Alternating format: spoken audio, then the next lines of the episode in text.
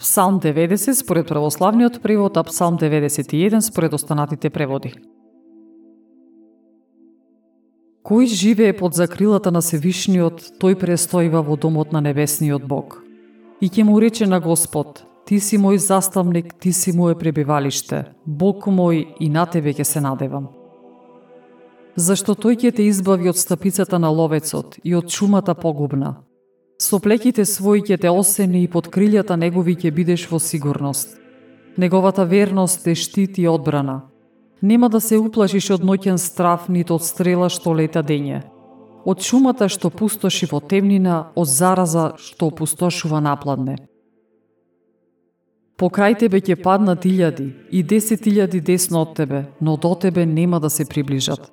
Само ќе гледаш со очите своји и ќе гледаш казната на нечестивите. Зашто Господ ти е за солниште, надеж моја, се вишниот го избра за свое прибежиште. Зло нема да ти се случи и неволја нема да се приближи до шаторот твој, затоа што ќе им заповеда на ангелите свои за тебе да те чуваат на сите патишта твои. Ке те понесат на раце, да не ја сопнеш од камен ногата своја. На отровници на змија ќе нагазуваш, лав и змеј ќе сгазуваш.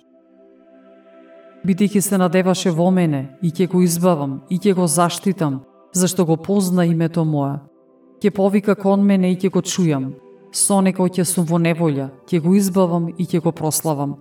Ќе му дадам многу денови и ќе му го јавам спасението од мене.